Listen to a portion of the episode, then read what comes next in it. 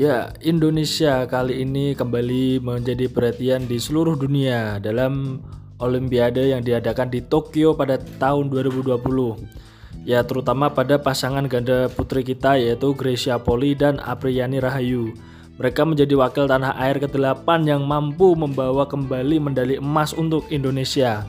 Setelah beberapa perjuangan yang sudah mereka lakukan dari titihan keringat dan air mata melalui perjuangan mereka melalui raket dan menghadapi musuh-musuh dari berbagai belahan dunia.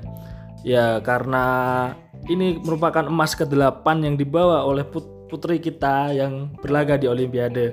Sebelumnya di pertama itu dibawa oleh Susi Susanti, lalu yang kedua adalah Alan Budi, yang ketiga adalah Reksi Masyani dan Ricky Su Bagjiani atau Ganda Putra, yang keempat adalah Tony Gunawan, yang kelima Taufik Hidayat, yang keenam Hendra Setiawan dan Markis Kido, dan yang tujuh Tontowi Ahmad dan Liliana Nasir ganda campur dan yang kedelapan ini adalah yang baru-baru ini yaitu Gracia Poli dan Apriani Rahayu. Mereka berhasil membawa emas untuk pasangan ganda putri di cabur bulu tangkis.